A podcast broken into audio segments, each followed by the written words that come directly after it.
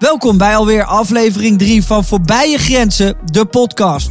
Deze podcast biedt waardevolle inzichten, praktische tips en inspirerende verhalen van gasten uit verschillende achtergronden en expertisegebieden. We leren van hun ervaringen, fouten en succesverhalen. Hoe zijn zij uit de donkerste periodes van hun leven gekomen? Hebben ze zichzelf herpakt en hebben ze zichzelf kunnen overtreffen? Dat leren we allemaal in Voorbij je Grenzen. Donnie en Dries aan één tafel. Dit vind ik leuk. Ja, in Voorbije Grenzen de podcast. Uh, Donnie, het verzoek uh, kwam wel van jou ook. Om je vader uit te nodigen. Ja, ik denk het, uh, het onderwerp wat we hier, de onderwerpen die we hier aankaarten bij deze podcast, dat, dat zou ik wel eens vanuit de mond van mijn vader willen horen. Ik denk toch dat mijn vader altijd ehm, ja, ik denk, ik weet niet. Ik, wil, ik, ik was gewoon benieuwd naar die kant van mijn vader. Als we bepaalde onderwerpen gaan aansnijden, zoals uh, donkere periodes. Uh, hoe, hoe, hoe hij daar is mee omgegaan. Ik denk dat hij daar um, ja, niet op een manier heeft over gepraat eerder dat ik hoop hem eens een keer te horen. Dus ja, ik, ik was benieuwd naar die kant van hem. Goed. Dus vandaar dat ik hem graag wilde hebben hier. Dries, de vader van uh, Donnie en natuurlijk Dave. Ik heb het idee dat ik in een kruisverhoor zit hier nu. Ja, tussen jullie. Dat is een verrassing ja, dit. Ja, ja. dit, is, dit is maar nee, dat, het gaat, we, we gaan, vandaag gaan we het hebben over, uh, over alle grenzen die we wel eens voorbij zijn gegaan. Maar ook alle nieuwe dingen die we in het leven hebben geleerd. Um, hoe we met tegenslagen omgaan. Um, maar ook hoe we ons leven indelen. Van uh, routines tot tips. Um, ik denk dat jij daar je fair share van mee hebt gemaakt. maar ook dat je iemand bent met heel veel discipline. Je hebt twee fantastische jongens volgens mij opgevoed, die ik allebei redelijk goed ken. En allebei jongens hebben een bepaalde doorzettingsvermogen. Um, ik heb Dave ook meegemaakt, daar heb ik het met Donnie ook over gehad. Daar zit ook vuur in. Hebben, ik hoor je net al even zeggen, ja, ze hebben van mij dat sporten. Ze hebben van jou ook de entertainment meegekregen. En ik merk aan beide jongens dat ze daar veel moeite mee hebben gehad. Hoe kijk jij daarop terug? Zou je dat nu anders doen? Kijk, wat ik uh, toen gedaan heb, toen die jongens nog klein waren.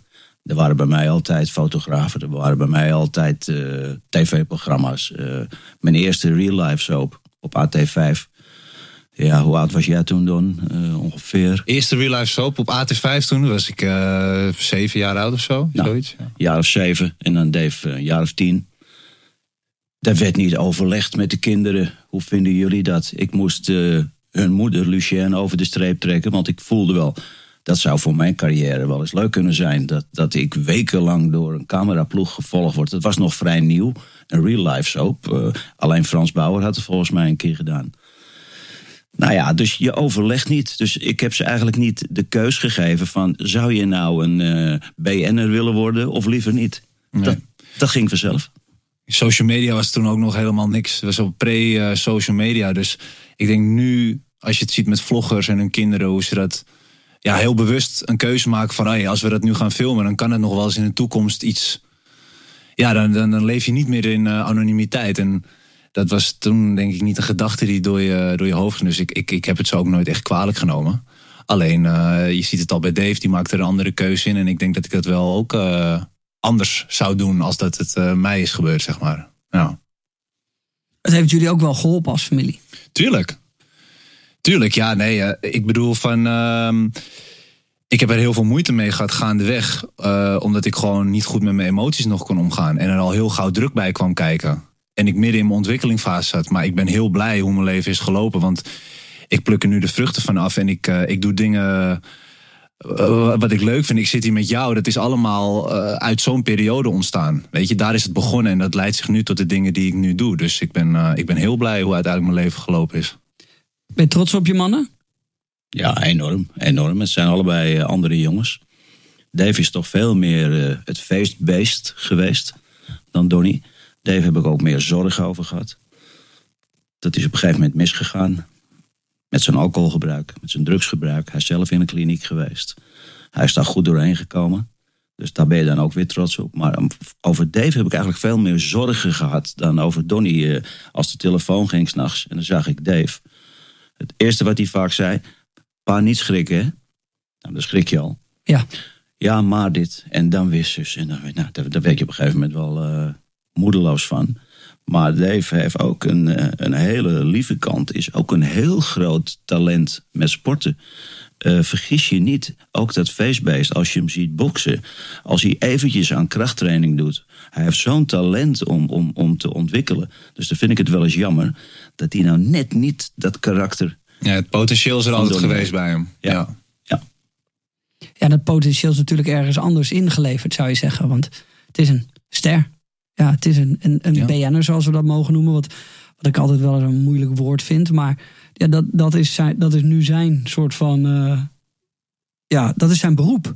Ja. Dat had ook wat anders kunnen zijn, maar dat is nou eenmaal zo gelopen. Het woord influencer, dat kende ik natuurlijk niet. Nee. In, in mijn jeugd uh, zeker niet. En in het begin van mijn carrière ook niet. Ja, en als je ziet hoe het nou met, met hun gaat op, uh, op Instagram, dat volg ik natuurlijk ook uh, op afstand. Dat ik denk, jeetje, dat, het, het lijkt wel of ze een baan erbij hebben. Influencer. Ook allerlei merken die dan iets met ze willen doen. Ja. Met mij in mindere mate. Maar het is een heel ding wat erbij gekomen is de laatste tien jaar. Ja, ik wou je natuurlijk heel even als vader hier over de mannen horen en over Donny, want daarom zit hij hier. Maar uiteindelijk zijn we hier echt om ook over jou te praten, omdat ik denk ja. dat we een hoop van jou kunnen leren. Uh, als artiest, als, als iemand die zich echt op heeft moeten werken. Dus van AT5 tot hier je eigen single mee. Uh, tot ik hoorde van Donny posters plakken bij, uh, bij uh, evenementen waar je zelf ging optreden. Je hebt echt het heft in eigen handen genomen. Je zal donkere periodes hebben gehad. Tussen neus en lippen door scoor je ondertussen meer op TikTok dan beide van je zoons bij elkaar keer vijf. Uh, meeste dus, van Nederland denk ik wel meeste, op het moment. meeste van Nederland, dus dat is in, in miljoenen. Dus um, ik wil je graag ook uh, um, wat dingen vragen over ja, net als Donnie, over heb je tips voor mensen die dit doen? Want je loopt natuurlijk al zo lang mee. Uh, we hebben vragen over je comfortzone, je, je donkerste periode. En daar wil ik hem eigenlijk even starten. Want ik denk dat jij veel hebt meegemaakt. Um, dat weet ik in ieder geval via Donnie. Um, maar je zal ook periodes hebben gehad dat je de jongens had en dat je toch aan je eigen carrière moest denken, of andersom. En ik wil eigenlijk, hiervoor hadden we. Um, uh, Erik, uh, Erik, Wegenwijs. Erik Wegenwijs de gast. En die zei: Ja, donkerste periode klinkt wat, uh, wat, wat negatief en wat diep. Um, en toen hebben we het, zijn we het naar veranderen naar situaties die net even wat ernstiger is. Uitzichtloosheid. Dan, dan tegenzitten. Mm -hmm. Iets uitzichtlozer dan, dan tegenzitten. Dat je echt denkt bij jezelf: Oké. Okay, heb je die periodes gekend? Die heb ik uh, een keer gekend. En dat heeft geduurd een klein jaar. Uh, ja, dan moet ik even terug naar het begin. In, in mijn jeugd is er iets gebeurd. Toen was ik 13. Ik was dus altijd sportminded. En we hadden in het buurthuis, uh, waar ik dagelijks kwam, een sportleraar. Uh, die man zag er fantastisch uit. Ik had meteen al zoiets van uh, zo'n soort figuur wil ik later ook krijgen, weet je wel. Uh, het was geen bodybuilder. Hij leek meer op een turner. Hij gaf ons les. En hij was ook een goede voetballer. Dus was een allround sportman. Aanvoerder van de, de vereniging De Zwarte Schapen. En op een zondag tegen Muidenberg speelden ze. Valt hij om. En overlijdt op het veld. Op zijn 27e jaar. Op maandagochtend zit mijn vader met de, met de ochtendkrant. En die zegt zo tussen neus en lippen tegen mij... Is die Franklin Mullier, was dat nou niet die sportleraar van jullie? Ja, wat dan? Die is gisteren overleden. Gisteren overleden? Ik ben naar dat buurthuis gerend. En daar lag hij. Opgebaard met al die kinderen eromheen. Lag hij daar al. Nou ja, we zaten daar omheen ja, ja, een tranendal natuurlijk. En, en onbegrip, maar ja, je bent dertien. Ik was nooit met de dood bezig geweest. En ik liep naar huis, toen dacht ik... Oh, dus je kan allemaal doodgaan. Hoef je niet oud voor te zijn, hoef je niet ziek voor te zijn. Je kan dus allemaal zomaar omvallen, schijnbaar. Nou, daar heb ik maandenlang s'nachts last van gehad. Dan lag ik in bed en, en, en sliep ik bijna en dan dacht ik een keer ga ik ook dood. En wat is dat dan precies? Dan kom je dus, dan is pang uit en dan kom je nooit meer terug. Ook niet over een paar dagen. Nee, dat is het dan. Dat, dat eeuwige einde. Sprong mijn bed uit en uh, ma, Wat is er, jongen? Dat dorst ik niet te zeggen wat er aan de hand was. Ik zei, ah, ik droomde raar. Maar ik dorst niet te zeggen wat ik precies Ja, dacht. waarom durft hij dat niet te zeggen tegen haar? Ik dacht, dat begrijp je niet. Want te- tegen iedereen die, dat je dit vertelt, die zegt... ja, Dries, maar dat weet je. We gaan allemaal een keer dood. Dan moet je nou eenmaal... eh, hè, en als je daar... Ja, ik weet niet hoe jullie daar naar kijken. eh, zoals we hier zitten, over 100 jaar zijn we er allemaal niet meer. Nou, kan je daar angstig van worden? Of zeg je nee, dan heb ik mijn leven gehad en dan kom ik misschien in iets anders. Ik, ik heb dat nooit gehad. Dus nou ja, dat was mijn eerste ervaring om even op terug te kijken naar een, naar een donkere periode. Die angst heb ik altijd bij me gehouden. En zolang ik nou maar mijn dag indeel met leuke dingen die ik leuk vind. Sporten, zingen, schrijven, uit eten, wijn drinken, met vrienden praten, lezen. Dan gaat het goed. Zodra je mij eh, niets laat doen, dan zit ik ook nooit een avondje rustig op de bank. Dan kan dat terugkomen. Dan kan dat terugkomen, die, die angsten. En dan kan ik een angstaanval krijgen dat ik mijn hardloopschoenen aandoe en door het park ga rennen. Want dan wil ik het, dan wil ik het hebben. Dat- hij echt, ja. Dan heb ik het vlucht, Als hij, als hij dan, ik weet nog ook een keer goed dat we met eh, de reality serie, ik weet niet meer welke dat was, dat, eh, wist je nog dat Dave zijn verstand kiezen ging laten trekken? Ah, Dave had het goede idee, omdat hij bang is voor de standaards, dat hij dacht van weet je wat, ik ga alle vier tegelijkertijd mijn verstand kiezen laten trekken. En dat doe ik eh, onder narcose, want ik wil er niet bij zijn en ik wil ook niet nog een keer terug hoeven komen. Een hele drastische... eh, ja, iets was dat. Eh, maar ja, goed, hij, hij, hij wilde dat eh, gaan doen. En toen weet ik nog inderdaad dat we daar eh, waren we op een of andere kliniek moest hij dat doen omdat hij onder narcose was. En toen zag jij hem eh, liggen met al die mannen om hem heen en onder narcose. En in één keer sprint hij naar buiten toe. En ik denk, denk waar is hij gebleven? Maar dan, dan komt die paniekaanval bij hem weer op. En dan is hij gewoon ergens door de buurt eh, aan het hardlopen. Omdat dat hij een een soort van... gezicht, want ik had mijn zwarte normale leren schoentjes aan. En, en, en een soort eh, pak aan.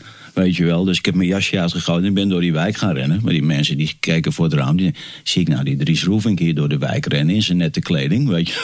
Ja, omdat hij dan zijn adrenaline blijft. Ja, dat is toch iets, je moet je adrenaline kwijt. Ja, kijk, ik voel dan dat mijn hartslag onrustig wordt. Ik voel, ik, ik voel me helemaal niet lekker. Ik ga zweten en dan denk ik...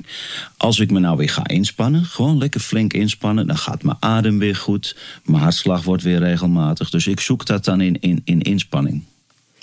Maar jij vraagt over mijn donkerste periode. Ik heb je even verteld waar het vandaan komt. Op mijn dertiende jaar. Nou, ik- heb mezelf altijd bezig gehouden. En mijn huisarts zegt altijd: wat er bij jou aan de hand is, je, je serotoninegehalte, je gelukshormoontjes. Daar moet je heel goed op letten dat die op peil blijven. Want als die niet op peil zijn, dan is je valkuil, die angst voor de dood, die je altijd maar weg kan drukken. Zodra dat serotoninegehalte hoog blijft, dat is goed. Maar als dat zakt, en dat zakte op het moment dat ik ging scheiden. Ik lag in scheiding. Ik had een miljoen gulden op de bank staan. Maar ik wilde met iemand op de beurs daarmee gaan speculeren. Die, die miljoen gulden verdween en ik stond op min 60.000 gulden. Mijn werk liep terug. Mijn manager nam de vlucht. Ik had geen agenda meer. Dus ik had thuis bonje. Nou, bonje in ieder geval. We stonden op het punt om uit elkaar te gaan. Ik voelde, ik ga mijn gezin verliezen. Ik heb geen geld meer. En ik heb zowat geen werk meer. Toen is mijn gelukshormoontjes, die waren natuurlijk dan daardoor weg. Ik ging daar minder door zingen ook. Mijn geluidsman zei af en toe tegen me s'avonds... jij klinkt niet meer zo als vorig jaar, wat is er nou? Maar ja, wanneer gaat een mens zingen vanuit de natuur? Als hij vrolijk is. Als hij, eh, dus, dus dat kwam er ook nog bij. Nou, en toen kwam duidelijk dat gevoel weer van toen. Oh ja, en een keer ga ik ook dood. Dat dacht ik de hele dag. Een keer ga ik ook dood. Dus ik kan nou wel leuk gaan zingen. Ik kan gaan sporten. Ik kan, maar je gaat toch een keer dood. Nou, dat was zo zwaar. En, dan- dan dit allemaal in een notendop. Maar hoe lang treed je nu al op? Hoe lang? 40 jaar. 40 jaar al, hè? En, Dus dat was het donkerste jaar waarin ik toch bleef optreden. en in jezelf geloven dus. Ja, in jezelf geloven, maar dan, wat hij net vroeg, van, is er een periode geweest dat je dacht, uitzichtloos? toen was het uitzichtloos. Ja, maar wat eigenlijk dan de vervolgvraag is op zo'n donkere periode: van hoe, hoe, hoe kom je daar dan uit? Want wat je nu allemaal in een notendop vertelt, dat ziet er inderdaad heel uitzichtloos uit. En dat vind ik juist zo sterk van je. En dat heb ik eigenlijk nooit zo direct tegen je gezegd. Dat je al langer dan 40 jaar optreedt, eigenlijk doet wat jij leuk vindt, wat je doet. En ik kan me heel goed voorstellen als je in zo'n periode van je leven zit. En dat er dan eigenlijk ook heel veel mensen zijn die je niet serieus nemen. Als een uh, lollige Polonaise zanger uh, beschouwen, als die man in de gele zwembroek. Dat je toch altijd door bent gegaan. En, daar, en dat is echt iets wat ik altijd zo bewonderd aan je heb. Dat je nooit op het diepste van het diepste eigenlijk zit. En dat je dan niet je uit het veld laat slaan door dan die ene push die dan uh, mensen je dan zouden kunnen geven om echt de handdoek in de ring te gooien. Wat, wat, wat, was dan, is, is er dan, dan is er toch iets gebeurd bij je wat, wat dat lampje aan heeft gezet van nee, maar ik ga het toch anders doen. Ik ga het, het stopt niet hier. Kijk, waar ik nu over praat is uh, het jaar 2001. Uh, dit was die donkere ja. periode. Wat toen als een soort gelukje op mijn pad kwam, als ik er nu naar kijk van wat, was nou dat je er weer... Kijk, tuurlijk ik heb met een psycholoog gesproken. Tuurlijk heb ik met vrienden gesproken. Met iedereen die ooit wel eens depressief was geweest. Daarvoor dacht ik, depressief. Dat kan mij toch niet gebeuren, joh. Wat is nou een depressie? Dat gaat mij nooit overkomen. Ik ben, daar voel je jezelf. Nou, toen zat ik er zelf in. En toen kreeg ik de aanvraag om mee te doen aan het programma Sterrenboksen. Van SBS. Sterrenboksen. Nou, Dries, dan ga je vier maanden met een bokstrainer aan de gang. Ik heb nog nooit bokshandschoenen aan gehad. Ik was wel een sporter, maar dat heb ik dan nooit gedaan. Twee keer per dag ga je met die man een uur aan de gang. En over vier maanden moet je boksen in een uitverkocht Ahoy. Want daar zijn kickboxwedstrijden. En dan boks jij tegen Emiel Raterband. En we hebben nog uh, drie BN'ers partijen, SBS 6. Ik ben serieus met die bokstrainer Michel van Halderen twee keer per dag aan de gang gegaan. En na een paar weken dacht ik, ik was daar zo op gefocust. Ik vergeet een beetje mijn, uh, mijn depressie. Ik denk, oh, niet meer aan denken. Niet meer aan denken. Oké, okay, ik moet boksen. Dat is een heel belangrijk ding. Dus toch weer sport. Hmm. Heeft me daar... En een doel gezet. Ja, een ja. doel gezet. Het is eigenlijk een soort van voorloper op boxing influencers. Hè? Dat was ja. eigenlijk het allereerste soort van... Uh, ja, dat tegen Emiel Raad. Want daar heb ik laatst nog beelden toevallig van gezien. Van die wedstrijd. Dat was ja. rond 2004, toch? 2003, 2004? Ja. ja. Maar dat is dus een moment geweest waarop je dacht: oké, okay, als ik dus een afleiding zoek. Ja. Met focus. Ja. Met een gericht doel. Ja. Waar ik ook nog mezelf kan laten zien.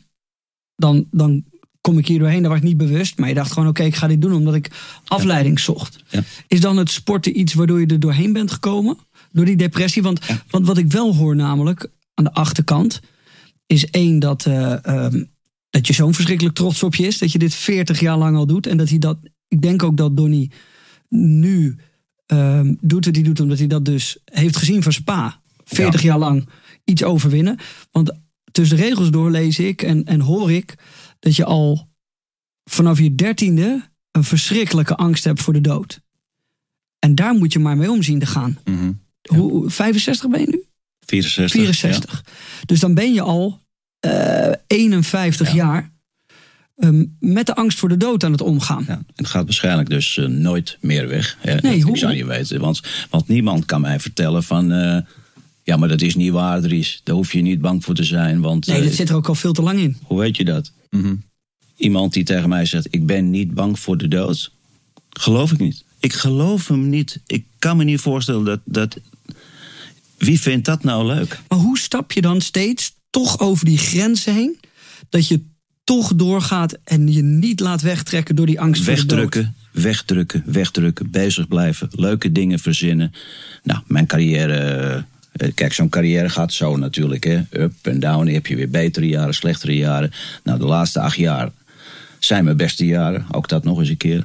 Er komt van alles op mijn pad voordat je denkt van nou, het gaat nou wel echt uh, sky high. Concertgebouw verkoop ik uit. Uh, op TikTok ben ik succesvol. Uh, mijn ballen gehakt liggen bij Jumbo.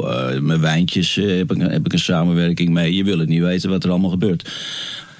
Als ik in die succesformule blijf, komt die angst voor de dood. Die, die zit wel in mijn achterhoofd. Maar ik, het is dus wegdrukken. Ik, ik kan het niet anders omschrijven. En dat belemmert je niet soms in bepaalde dingen? Heb je dat niet? Belemmert me in, uh, dat weet je als geen ander, alles waar maar enig risicootje ja. zit. Als jullie tegen mij zouden zeggen, Dries, ga hier nou eens op tafel en dan spring je over die lamp heen voor de grap. En dan zeg ik, nee, doe ik niet. Ja, waarom niet? Ik zou kunnen vallen. Ik, zou, ik neem geen enkel risico. En dat is soms in de real life soap vervelend geweest. Dus dat zeggen, nou, we gaan even iets doen. Er is een beetje spannend. eh, de programma's waar jullie aan meegedaan hebben, daar hebben ze mij al twintig keer voor gevraagd natuurlijk. Expeditie Robinson, vroeger Bobo's in de Boes. En wat hebben we nu? Special Forces. Special- nou, voor geen goud. Voor geen goud. Ik neem geen risico. In niets. Maar dat is best wel behouden leven dan, Behouden. Ja, Ja. heel behouden. toch? En, en, en qua routine, want... ehm, Goh. Want Nou, Don, Donnie ja, had, routine, we gaan het zo meteen daar ook nog even over hebben. Maar uh, Donnie had een verkeerde tijd gezegd hier eh, tegen jou Ja, dat je hier ja. moest zijn. Eh, en dan word je uit je routine getrokken. En dat vind je vervelend. Ja, enorm. Enorm. En dat, Kijk, ik zit hier nu in sportkleding. Maar ik had hier normaal redelijk netjes naartoe willen komen. Met mijn hempie, met mijn colbertje. Opgefrist en wel. Nou kom ik net uit die sportschool. Krijg telefoon, ben je er bijna? Ik zeg, ben je er bijna? Ik kijk er terug in de app.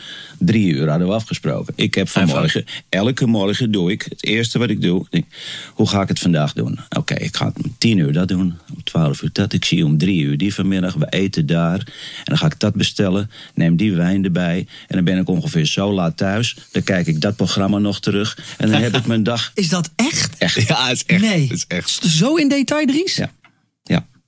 Ik weet al wat ik morgenavond in Schorel. Ik ga dus morgen naar Hij Schorel. zit het net uit te leggen voordat we Nou, beginnen. nou, nou, nou, maar dat hebben we niet opgenomen. Nee. Oh.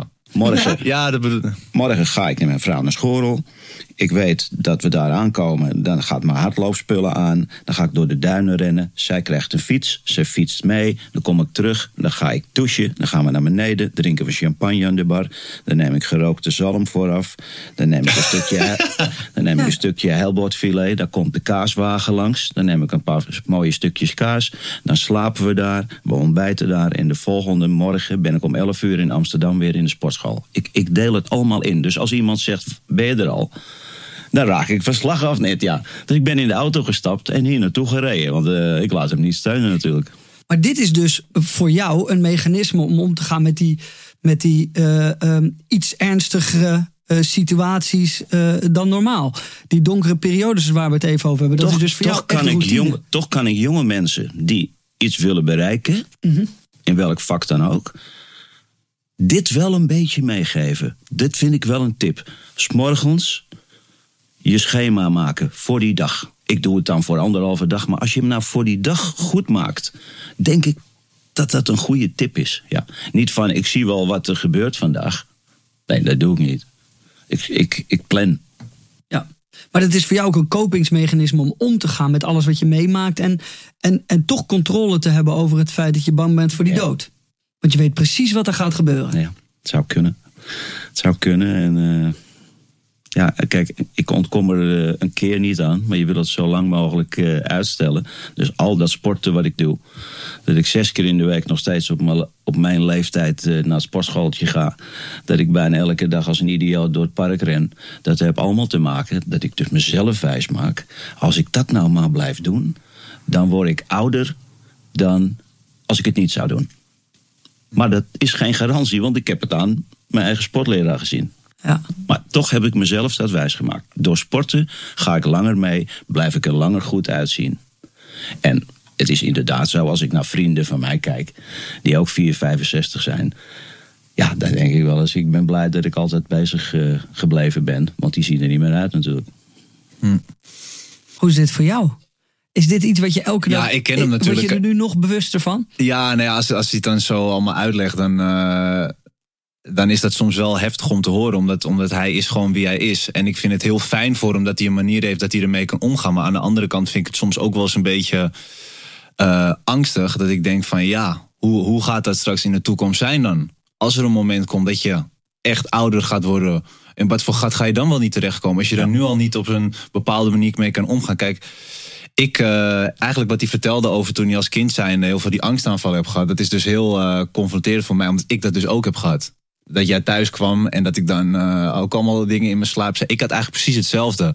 Ik kwam, ik weet niet of, wat, of dat er een, een, iemand eh, overleed of whatever. Maar ik kreeg ook op een gegeven moment ook de, het, de eerste aanraking met de dood. Nou, eigenlijk precies dezelfde soort paniekverschijnselen in mijn slaap en onrustig. Ik ben er op een gegeven moment een soort van overheen gegroeid. En uh, de dingen die me nu zijn overkomen, zoals met zo'n ongeluk en, um, en mijn ziekte. En hoe ik daaruit kom, uh, dat, dat zijn voor mij een soort signalen geweest dat ik, ik wil niet zeggen gelijk nu in iets geloof, maar dat ik wel voel dat het dat het leven niet allemaal een toeval van een toeval is. En dat het best wel um, mij een geruststellend gevoel kan geven dat dingen niet zomaar gebeuren. Want ik vind, het, ik, vind het, ik vind het onwerkelijk hoe ik eruit ben gekomen uit zo'n ongeluk bijvoorbeeld. Weet je wel. Dan denk ik van ja, dat kan niet dat dat, dat dat toevallig dan maar voor mij goed loopt. Dan zal er echt wel iets zijn. Daar ben ik echt heilig in gaan geloven. En dat is automatisch ook een soort van rust voor mij. Dat ik ben nog zoekende. Uh, ook weer niet heel driftig op zoek. Maar ik denk dat ik ooit op een dag echt uh, me bij een geloof zou kunnen aansluiten. En dat dat ook weer een soort van rust brengt. Ook met de dood. En ik zeg niet dat hij nu allemaal boeken moet gaan lezen. Maar ik zou wel soms graag willen dat hij eens uit die comfortzone van hem treedt. Om bijvoorbeeld, weet je, we hebben het wel eens over uh, Dave en ik dat we ijsbaden pakken of whatever. Weet je wel, dat dat goed is voor je herstel, maar ook voor je stress. En ja, dat, dat, is gewoon niet, daar krijg je hem niet zo gek mee. Wat hij zegt, uh, al laat je hem een sprongetje doen, hij, hij vindt het gewoon te eng. En dat vind ik soms wel eens jammer, omdat ik denk als je soms eventjes eens uit die comfortzone zou stappen, zou je misschien iets kunnen ervaren wat je kan helpen bij die angsten. Maar Donnie, dit werkt al goed voor hem voor 51 jaar. Ja, dat, dat werkt nu ook goed. Alleen, uh, en ik, en ik, ik, ik, ik, ik, ik, ik, ik blaat hem ook in zijn waarde. Dus ik zou hem ook niet anders willen maken. Want ik weet dat dit ook goed voor hem werkt. Ze willen me helpen. Ze maar ik, zou, dat ik, begrijp ik, ik, ja. zie, ik ben bang. Omdat dat, ze weten dat het goed voor hun is, is het goed voor jou. Juist. Jij bent hun pa natuurlijk. Dus... Snap je? En, en ik, hoop, ik hoop gewoon dat het altijd zo goed blijft. Maar als je er zo over praat, over voor wat hij dan allemaal wel niet bang is en zo. Weet je, wel, mijn vader is een keer uit een rijdende auto gesprongen omdat er een wesp in de auto zat. Besef die even. Maar ik zat, niet, ik zat, Ja. niet, ik zat niet achter het stuur. Nee, oké, maar in ieder geval, hij reed de auto. Hij reed niet op de snelweg. Ja, hij reed niet op de snelweg, maar eh, gewoon in ieder geval, hij springt gewoon best wel heftig. Dat je denkt van, maar ben je daar bang voor? Dan denk ik wel eens van, wat, wat, wat over twintig jaar? Als je dan echt oud wordt en Ja. je gaat beperkingen krijgen en... Hij heeft ook één keer corona gehad. Nou, toen dacht hij echt dat hij meteen doodging, weet je wel. Eh, d- Dat soort dingen denk ik van, ja... Ik vind het wel moeilijk om te zien dat hij daar niet goed mee kan omgaan. Sluit je dan compleet af voor wat zij zeggen? Of denk je, uh, Soms overweeg ik het heel even en dan denk ik, nou, waarom zal ik daar nog aan beginnen? Ik heb dat nooit gedaan. Wat zou het me nou kunnen brengen? Ik moet iets doen wat ik een beetje angstig vind of eng vind. Wat zou me dat nou kunnen brengen? En dan zeg ik, nee jongens, ik doe niet mee. En ik vind het ook... eh, begrijp, je, sorry, begrijp ja. je het wel dat zij doen? Nee. Nee, en dat wou ik dus zeggen. Ik vind het dus, dat vind ik dan weer grappig om te zien hoe zeg maar, wij ook totaal anders dan hem zijn, zeg maar. Eén ding heb ik gelijk eh, aan hem en dat is gewoon die discipline die er op zijn manier, eh, op die manier is ingekomen. En ik door middel van sport. eh, ik kan bijvoorbeeld, eh, ze zeggen wel eens van ja, ik kan wel eens jaloers zijn op het feit hoe, gedreven jij in die gym bent en et cetera, et cetera. Ja, ik kan wel eens eh, jaloers worden op zijn zelfverzekerdheid, weet je wel. Hoe die, eh, maakt niet uit wat je over hem zegt, hij staat er, hij doet wat hij doet en hij doet wat hem gelukkig maakt. Daar kan ik wel eens jaloers op zijn. Nou, hun kunnen veel minder tegen kritiek, tegen, Ja. tegen slechte media. Nou, daar lach ik altijd, heb ik altijd om gelachen. Dan denk ik, nou, zo'n journalist, die schrijft iets op. Die wil ook een paar honderd euro verdienen om een slecht verhaaltje over mij te Die schrijven. gele onderbroek heeft je niks gedaan wat ze daarover zeiden. Nee, nee, Nog nooit? Geen dag? dan nooit geen dag. Nee. Ik heb toen die beslissing genomen. Het waren twee commercials voor de ANWB. Dus het was nou niet een, eh, een wasmiddel. Het was echt een, en of dat nou een blauwe zwembroek of een gele was... daar heb ik toen niet zo bij stilgestaan... dat, het er, dat we het er nu, een jaar of 17 later, nog over hebben. Dat had ik, dat had ik me niet beseft. Maar ik, ik heb nou niet spijt. Ik denk, had ik dat maar nooit gedaan, zeg. Want toen ging men mij eh, wat minder serieus nemen. Hoe zet je dat uit in je hoofd? Is dat gewoon iets wat je wegstopt, zoals je al zei ook? Nou, ook van tevoren al eh, denken van wat kan dit me nou gaan brengen. Toen was ook een financiële kwestie. Ik kreeg er 70.000 gulden voor en dat was voor mij veel geld. Dus dat was ook een afweging. Ik dacht ook nog, goh leuk, daar speel ik in een commercial. Daar ben ik elke dag op alle zenders op tv. Dat kan mij wel eens optredens gaan brengen. Dus ik zag die kant er ook van. En ik was toch al altijd iemand, eh, sportschool en... eh, nou, Ja, je had gewoon zelfvertrouwen. Eh, Ja. Dat, dat is gewoon, zeg maar, dat, en dat zie jij misschien nog niet zo snel bij. Maar dat is zeg maar waarom mensen soms wat van een mening aan kunnen trekken. Of dat het wat met zich doet. Omdat dat gewoon wat met hun zelfvertrouwen doet. En, da, en da- daar kan ik soms wel jaloers bij op zijn. Ja, en ik heb nou, je ziet het nou op TikTok, ik heb een bepaald stijltje van leven. dat Bourgondische combineren met veel sporten. En daar zijn veel mensen nieuwsgierig naar. En dat is ook waarom ik op TikTok ook zo groot ben geworden. Als je die, die filmpjes ziet dat ik op een beetje overdreven manier eh, wijn zit te keuren. En je ziet de restaurants waar ik altijd zit, dan denken mensen, ja, zo wil ik ook wel leven. Maar ja, als je dat doet, dan word je waarschijnlijk zo, hey, hoe kan dat nou bij hem? Hij is nou helemaal in shape, maar zit altijd maar in die sterrenrestaurants. Dus daar wordt men steeds nieuwsgieriger naar. En als je kijkt van mijn 650.000 volgers op, op TikTok, heb ik er 100.000 in Nederland en de rest zit in Zuid-Amerika, in China, in Arabië. En ik kan het niet eens lezen. Ik kreeg 220.000 reacties op het laatste filmpje. Nou ja, als je, ik weet niet wat ze zeggen. Maar... Wat is de meest bekeken? 40 miljoen of zo, toch? 55 miljoen. 55 miljoen. 55 ja. miljoen. Ja, dat is helemaal uit de klauwen geslagen. Gewoon, uh, gewoon, gewoon wereldwijd uh, is, viral is hij gegaan. Het is zo mooi om jullie hier allebei zo te zien zitten. Omdat ik ik begrijp allebei de kanten heel goed. Ik begrijp het discipline, ik begrijp het wegstoppen, ik begrijp het gemis, ik begrijp het proberen te helpen. Maar één ding ben ik uh, heel benieuwd naar. Uh, en dat is misschien wat te persoonlijk. Uh, bang voor de dood. Dat zit erin, dat hebben we nu besproken. En je zoon krijgt kanker. Ja, dat is me een keer door een journalist gevraagd op het moment dat dat, dat dat naar buiten kwam. En toen heb ik gezegd, en dat meen ik ook echt, nee, dan ga ik liever zelf. Dat wil ik niet meemaken. Dat als die kanker bij hem door had geslagen en ik ga hem verliezen, dan ga ik liever zelf. Dus ondanks al mijn angst, en dat meen ik ook echt. Dat wil je niet meemaken. Mijn zus is er zoon verloren. Die is 21 geworden, die jongen. Ik weet wat het met haar gedaan heeft. Ik eh, wil ik nooit meemaken. Nee, ga ik liever zelf. Dat is wel. Uh, ik krijg daar tranen. Ik, ja, daar wel, ik ben ik, hem uh, aan het tegenhouden. Dus, uh, ik krijg daar een beetje tranen van in mijn ogen. Omdat als, je, als we net dat hele gesprek hebben gehad.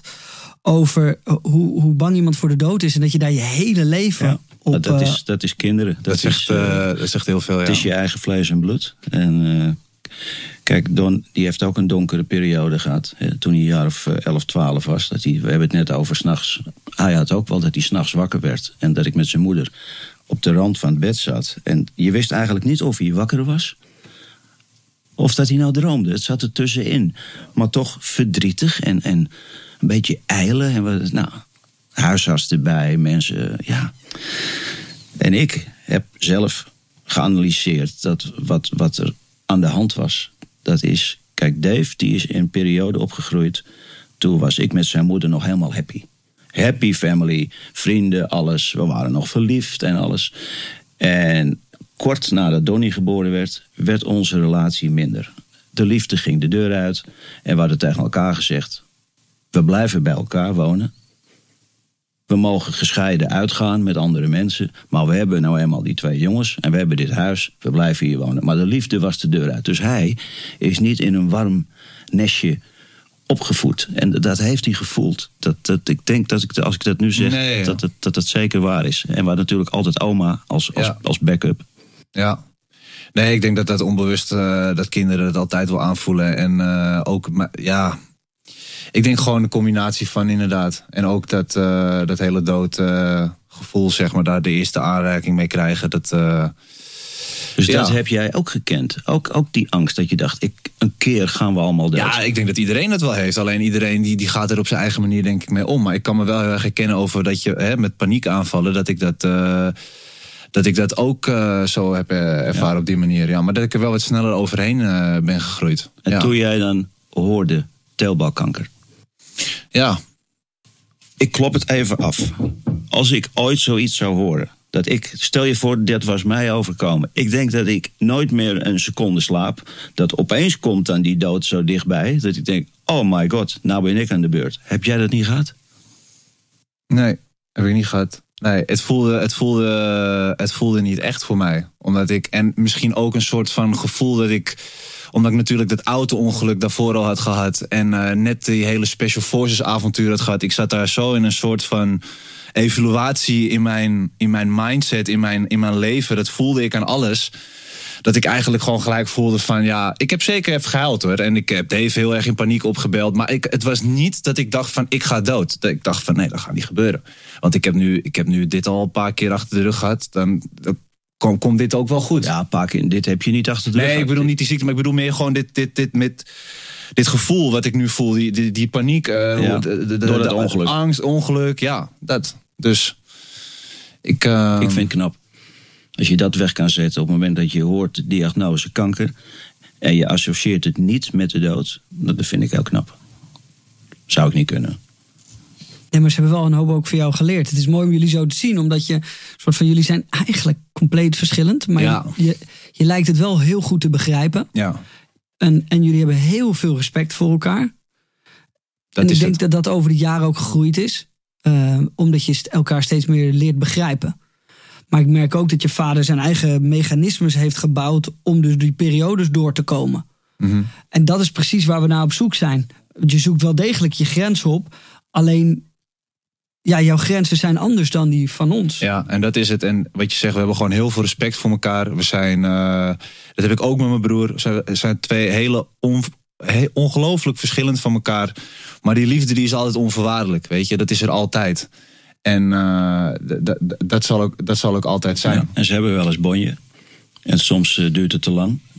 En dan ben ik een soort scheidsrechter. Maar je probeert dan eh, een meeting te organiseren. En, en dan gaan ze zitten en dan weten ze niet eens meer precies waar het dan eh, door kwam. En dan zegt Dave dan, eh, ja, je had, je had mij toch al lang moeten bellen. En dan andersom. En denk, daar word ik wel wel een beetje gestrest van als dat Ja. zo is. Ja. Maar gelukkig weten ze nu met z'n tweeën beter. Want ze beginnen wat ouder te We worden. zijn wat ouder. En, eh, we zitten nu ook gewoon, denk ik, qua family... ook in een hele goede, mooie fase. Ja. Wat dat betreft, toch? Hey, ik denk dat we naar eh, de volgende... Ja, Oh, ik, Moeten dacht, gaan. dit- ik dacht, dit was het. Ja, dit, dit, dit was, dit was de donkere periode waar we het eigenlijk over gaan. Oh. Hebben we ook nog eh, leuke dingen? Ja, komen, ja, Nee, we beginnen wat minder leuk, maar we eindigen altijd leuk eh, in de podcast. We hebben verschillende woorden die we altijd eh, aan onze gast stellen. En dan, eh, iedereen heeft daar een ander soort betekenis bij. Actuele woorden. Ja. Ehm, dus we, we zijn gewoon heel erg benieuwd als we een paar van deze woorden opnoemen. Wat jouw betekenis daaraan is. Ik ben benieuwd. Rob is wat. jij mag beginnen, Don. Welke pak je? Nou ja, laten we. De routine die hebben we al eh, vrij goed besproken van jou. Dat je eenmaal iemand bent die vast van zijn routine houdt. Ik schakel moeilijk door. Ik heb vandaag geschakeld voor jou. Ja. Maar ik schakel moeilijk door. Want wat, wat, wat, wat, wat, eh, ik ken hem natuurlijk wel, maar kan je misschien even voor de kijkers ook uitleggen. Hoe ziet jouw routine er precies uit? Wat is routine voor jou? Nou, dat is dat, dat ik elke dag een schema maak. Eigenlijk misschien wel voor twee dagen. Ja, Verder meestal niet. Dus ik, vanmorgen heb ik bedacht wat ik vandaag allemaal ga doen. Hoe laat, wat ik ga eten, wat ik ga drinken. Hoe laat ik weer thuis ben. Wie ik nog moet bellen. Waar ik morgenmiddag naartoe ga. Wat ik morgenavond ga eten. Als voorgerecht, hoofdgerecht. Wat ik daar voor wijn bij ga drinken. En tot zo. eigenlijk helemaal in de mijn, puntjes. mijn leven hangt van schema's aan elkaar. Kan je, zo- kan je zonder routine? Nee. Nee, daar ben ik helemaal eh, roerloos. Eh, Ja. Maar vandaag is hij dan overhoop. Ja, nou ja, dat heb ik dan Ja, voor misschien hem omdat ik het ben dan hoor. Anders. eh, Kijk, misschien Als, als, ik je had gebeld, had je het niet gedaan. dan had ik... Had, nee, nee, Omdat ik gebeld heb. Ja. nee, kijk, eh, het is van jullie tweeën. Hij heeft me dat verteld. Hij was daar enthousiast over. Pa, we gaan het ook een keer met jou doen. Stel je voor, ik heb jou van de week nog aan de lijn. Is je drie, ik zie je om drie uur. Maar je belt me vanmorgen om twaalf uur, ben je er al. Dan zeg ik, gaat het verder lekker met jou? Ik heb toch om drie uur met je afgesproken? Daar ben ik hier echt om vijf voor drie. Ja, maar ik dacht... Nee, niet ik dacht. Dat, dat, daar kom ik niet. Nee. Oké. Eh, duidelijk dus. Dan kom ik gewoon om drie uur. Ja. Of ik zeg, nou weet je wat, dan kom ik een half uurtje eerder. Maar ik ga niet mijn hele dingen omgooien. hele schema omgooien. Nou, we, hebben, we hebben nog eh, een hoop woorden. We gaan zo meteen ook nog even eh, met je over echte tips hebben. En je hebt nog een object bij je. Maar het volgende woord ehm, waar ik je over wil hebben is comfortzone. Ja, Want dat, dat is een heel mooi woord wat goed bij mij past. Want daar krijg je me dus niet uit. Je bent de eerste. Dit is toch fantastisch? eerste, ja. Ja. We, hoe ziet jouw comfortzone eruit? En, en als je dat woord zou kunnen omschrijven, hoe zou je dat dan omschrijven? Ah, als ik hem helemaal ga omschrijven, dat zou te veel worden. Maar zodra iemand iets voorstelt. En dat is nou laatst een paar keer gebeurd in onze real life soap. Die, eh, Heb je daar een voorbeeld van? Waarvan je zei, ja, dagen, dat ga ik niet doen. Ja, er zijn een paar voorbeelden van. Eh, we gaan varen. Ik hou niet van varen. ik heb een bloedhekel aan, ik heb een bloedhekel aan, aan boten. Nou, als je me dan zegt, we gaan over een week een uurtje varen. Dan kan ik dat nog maar als je zegt, morgen gaan we opnames maken op een boot. En dan gaan we over het IJsselmeer varen. En dan zeg ik, nee, nee. Ja, maar doe nou even mee. Nee, doe ik niet mee. Oké, toen hadden ze bedacht, die jongens die houden van dat ijs, eh, die ijsbaden en zo. We hebben daar een gletsjer. En daar gaan ze dan met de skilift omhoog. Dan gaan ze in de gletsjer en dan kom je in die prachtige ijspaleizen. En daar gaan we dan het water in. En het zou toch grappig zijn als jij dan ook een keer in dat ijswater gaat. Ik zei, nou, vergeet het maar. Nou, zegt ze, dan weet ik het anders. Dan ga je alleen mee.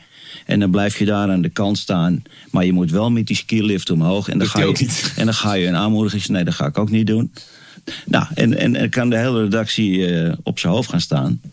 En dan krijgen ze mijn manager aan de lijn. Dan vergeet het nou maar, want hij gaat dat niet doen. Dus, dus verzin wat anders voor hem. Dus je krijgt me niet uit mijn comfortzone. Als we teruggaan naar de vorige podcast waarin Erik zei: geef je grenzen goed aan, dat is heel belangrijk. Dat doet hij wel. Jouw vader is daar de koning in. Ja, ja. Dat is het. Hoort er dan ook als je ochtends die routine aan het maken bent, denk je daar dan ook na over je grenzen? Dus dit ga ik niet doen, dat ga ik niet doen. Ja, je voelt vanzelf al, zodra iemand een voorstel heeft, vind ik dit leuk? Past dat bij me? Of, of ga ik met een heel naar gevoel dat doen? En dat ik denk, dat doe ik dan maar voor jou of voor jou. En mijn vrouw komt ook wel eens met dingen. Dat ik zeg, ja, denk, godverdorie, vind ik nou weer lullig dat ik dat niet doe voor haar. Maar ik doe het toch maar niet. En, eh, of ze voelt aan mij eh, dat ik te lang wacht. Dus ja, nee, daar hou je niet van. Hè? Nee. Dus we doen eigenlijk allemaal dingen waar ik Alles wat veilig is. En, en, uh, en nog een mooie die ik voor jou heb, is dromen. Die hebben we nog niet eerder besproken, maar die wil ik wel graag aan jou vragen. Dromen, heb jij nog dromen? Of, of ja.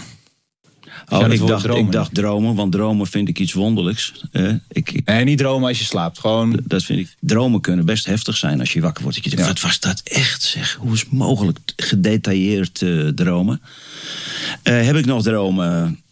Nou ja, ik heb nu dus zo'n show in het concertgebouw. Mm -hmm. Uh, wat voor mij nog een droom is om met die show het hele land door te gaan. Dat je zegt dat wordt een soort theatertour. Uh, nou doe ik meestal één of twee keer per jaar. Ik heb laatst Paradiso gedaan. Nou doe ik het in het concertgebouw. Dus dat de mensen een keer naar mij toe komen. Ik ben altijd een artiest die naar de mensen toe gaat op feesten. En ik treed verschrikkelijk veel op in het land. Dus een theatertour zou ik het dan willen noemen. En voor de mensen thuis vind je het belangrijk dat ze moeten dromen? Want net als dat het voor jou ook je droom was om zanger te worden, toch? Ja, als je hoe ging je vroeger, ja, hoe ging je vroeger met je dromen om? Hoe, hoe heb je die kunnen verwezenlijken? Kijk, ik heb dus de mazzel gehad dat ik tot twee keer aan toe van mijn hobby mijn beroep heb weten te maken. Dus mijn vader was voetbaltrainer, mijn moeder zangeres. Nou, ik heb van allebei, uh, daar ga je weer. In je genen zit dan schijnbaar zang en, en voetbal. Uh, mijn vader had zich voorgenomen, hij moet voetballer worden. Dus vanaf ik kon lopen begon hij al ballen naar me toe te rollen. Die moest ik met links en rechts terugschieten. Hij ging op zijn knieën zitten als hij uit de bouw kwam. Dan was hij keeper tussen de schuifdeuren. En voetballen, voetballen, voetballen, voetballen. Nou, school was ik geen held in. Heb ik niet afgemaakt, alleen maar de lagere school.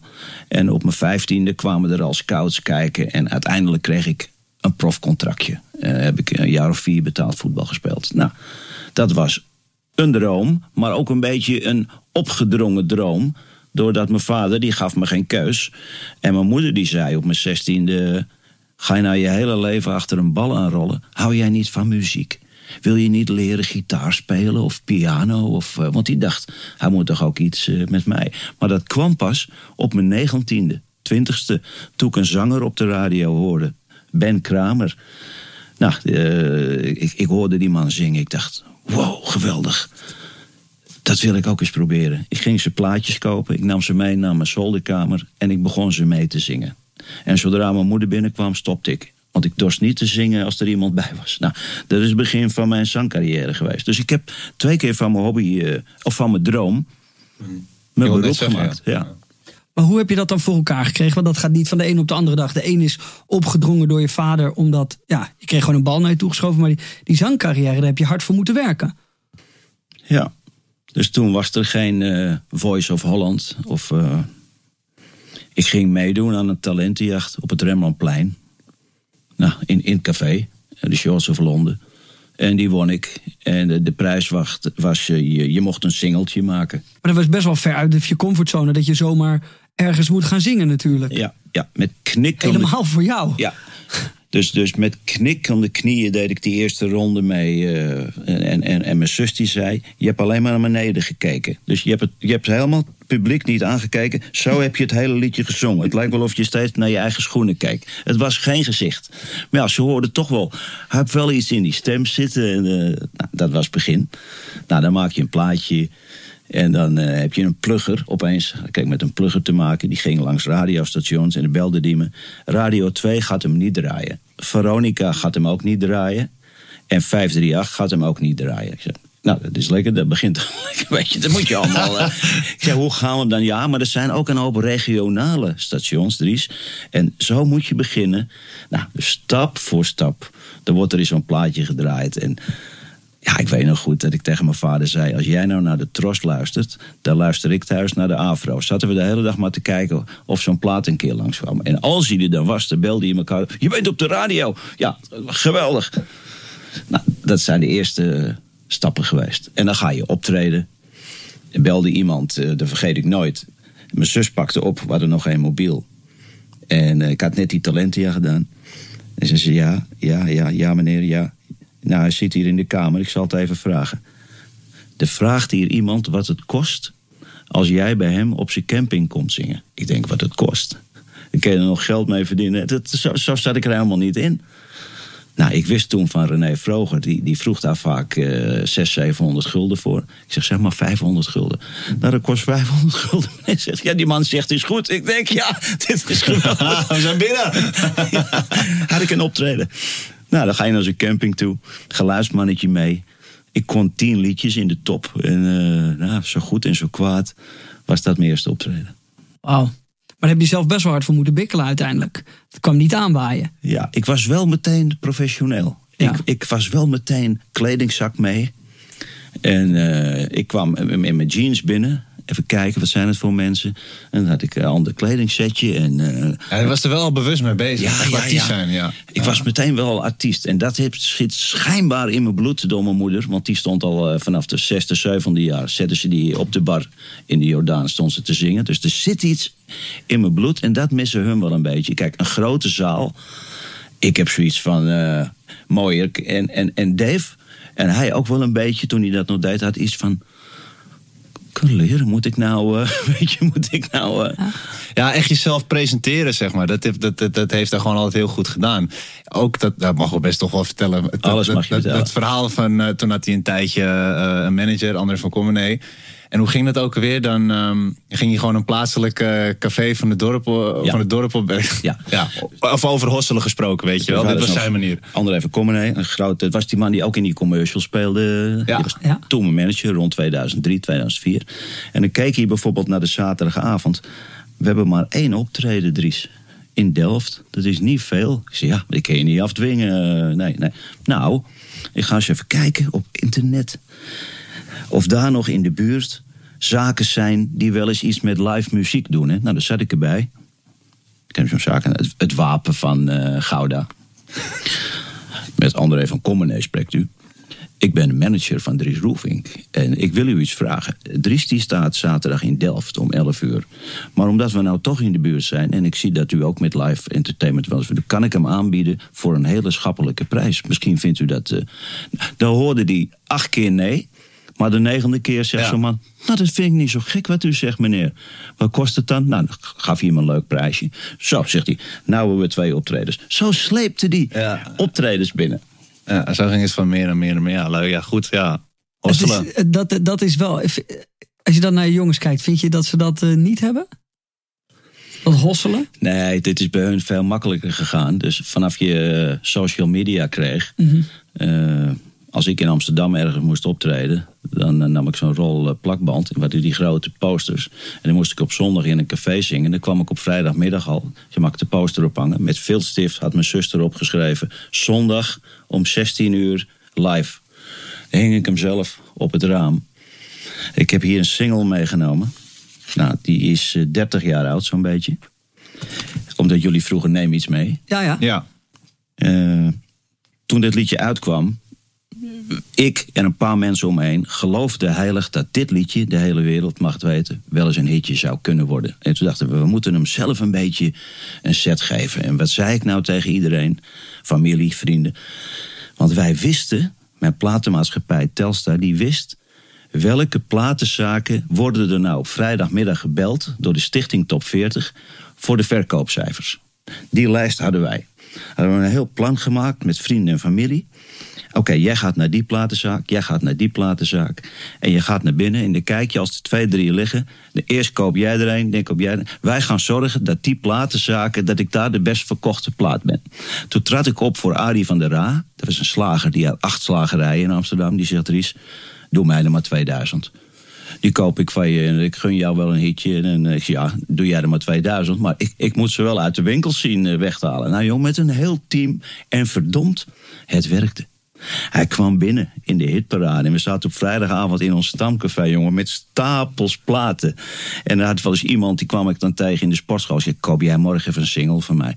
Ja, maar dat kost me een tientje. Dus ik zei, hier heb je een tientje. Koop jij nou morgen hier in de Kenkenstraat een single? Dus ik gaf hem zelf een tientje om mijn eigen platen op te kopen. Ja, dan moet je wel uh, een bord voor je hoofd hebben. Maar ik was niet te stoppen. Maar dan moet je het graag willen. Ja, Daar ja, gaat dat- het om. dat is je, toch? je wilde het gewoon graag. En kijk, we doen er wel gewoon lollig over. Maar dat is gewoon echt iets waar...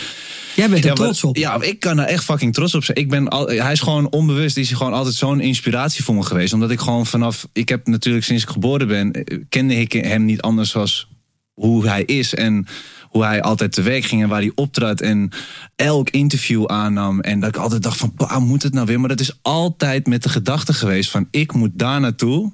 En dit heb ik ervoor nodig. Ja. En weet je, we doen er dan lollig over. En het is ook een heel grappig verhaal. Maar het is altijd met, met de gedachte geweest van... ja, maar ik moet, ik moet zanger worden. Ik wil hier mijn geld mee verdienen. dat is ik wil toch dat leven Dat leiden. is precies waarom we deze podcast maken. Voorbij je grens is een Ja. doel stellen. Ergens naartoe gaan. En voor iemand die niet heel veel buiten zijn comfortzone komt, heb je dat toch wel redelijk goed voor elkaar gekregen. Dat is heel gek. Het is best wel tegenstrijdig. je moet mij toch? niet vragen om eh, mensen bij elkaar te halen en eh, Ik zou mijn eigen shit te kopen, zeg maar. Maar hij dacht gewoon van nee, dit is gewoon een strategie om mij uiteindelijk daar te brengen. En dat is, ja, ik, eh, ik kan er heel, heel trots op zijn. juist. nou één klein dingetje nog te binnen. We gingen naar Leiden, naar een winkelcentrum. En daar zat een belangrijke platenzaak. En ik, ik reed met die twee jongens mee. Nou zit hier, ga ik eerst naar binnen. Ik koop er één. En dan jij. Maar we gingen 200 meter verder even koffie drinken. Dus daar zaten we al. Dus hij komt binnen. En hij zegt... Mag ik die single van Dries Roelvink van u? Zegt die man, zat u daar nou net niet mee koffie te drinken? Hier verderop met Dries Roelvink. Ja, dus toen vielen we door de mand, weet je. Ja, wel mooi. Dat kon in die tijd nog. Ja. Ja. Hey Dries, we hebben eh, ook voor iedereen die altijd luistert en, eh, en het eventueel bekijkt, maar vooral voor, ook voor iedereen die luistert, hebben we tips. Er is, en dat klinkt heel simpel, maar er is een tip die jij dagelijks in je leven toepast. Dat kan zijn van, van slaap tot de routine waar je het over hebt gehad, maar misschien iets wat je drinkt of eet, wa- waardoor jij je beter bent gaan voelen. Iets wat mensen niet zomaar weten, ehm, maar wat wel bij jou past, wat voor hun eventueel ook van toepassing zou kunnen zijn. Heb je, heb je iets? Jeetje, ja. We hebben het eigenlijk net allemaal al een klein beetje besproken. Maar ik blijf erbij. eh, maak je plan voor, voor de hele dag. Zorg dat er altijd eh, een uurtje sport bij zit. En drink heel veel water. Ik dacht even dat je wijn ging zeggen.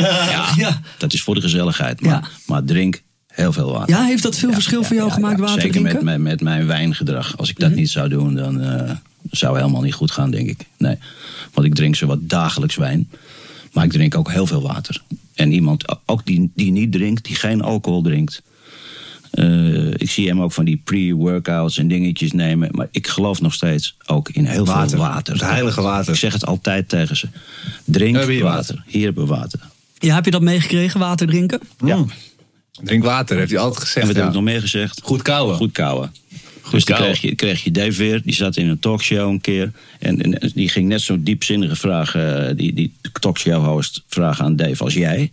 Eh, Dave, wat is nou het meest essentiële... wat je vader je hebt meegegeven? Zegt hij. Goed kouwen. Maar is wel de waarheid, hè? Ja.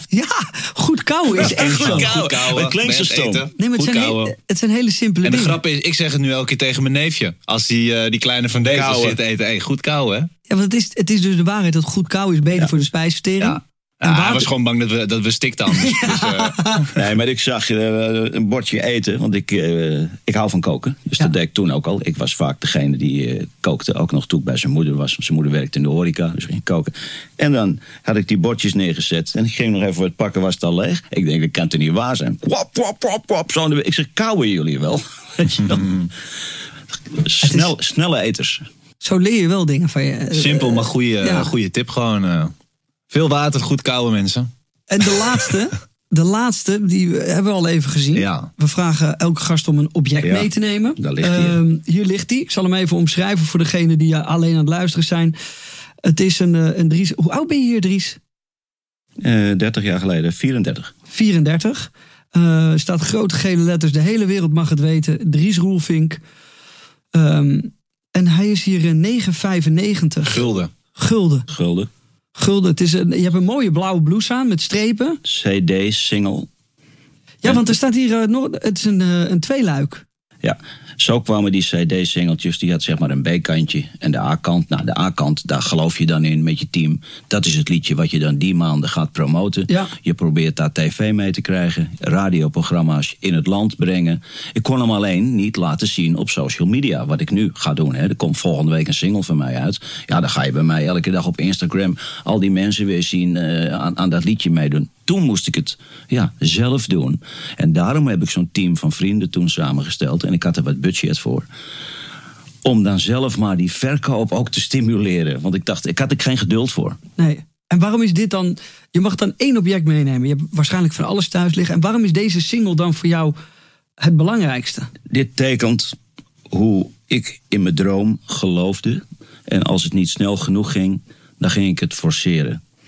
Het is niet dat het nou de- dit liedje is, maar ik weet niet of er andere artiesten zijn geweest die een heel team samengesteld hebben om, om zijn eigen platen op te kopen. Zo graag wilde ik naar die top. Ja. Ik wilde naar de plek die ik nu heb bereikt. Wat een fantastische afsluiter. Ja, Want dat ook. is het dus. Als je succes wil, kan je, moet je er gewoon alles aan Alles, doen. alles. Ben je wel eens eh, laatste vraag. Ben je wel eens te ver gegaan? Dat je denkt, oeh, dat had ik niet moeten doen? Een beslissing waarvan je denkt, ja, dat, leek goed voor mijn carrière, maar had ik misschien toch niet moeten doen? Ik heb een keer te hoog gegrepen in 2003. Toen hebben we een concert aangekondigd in Ahoy.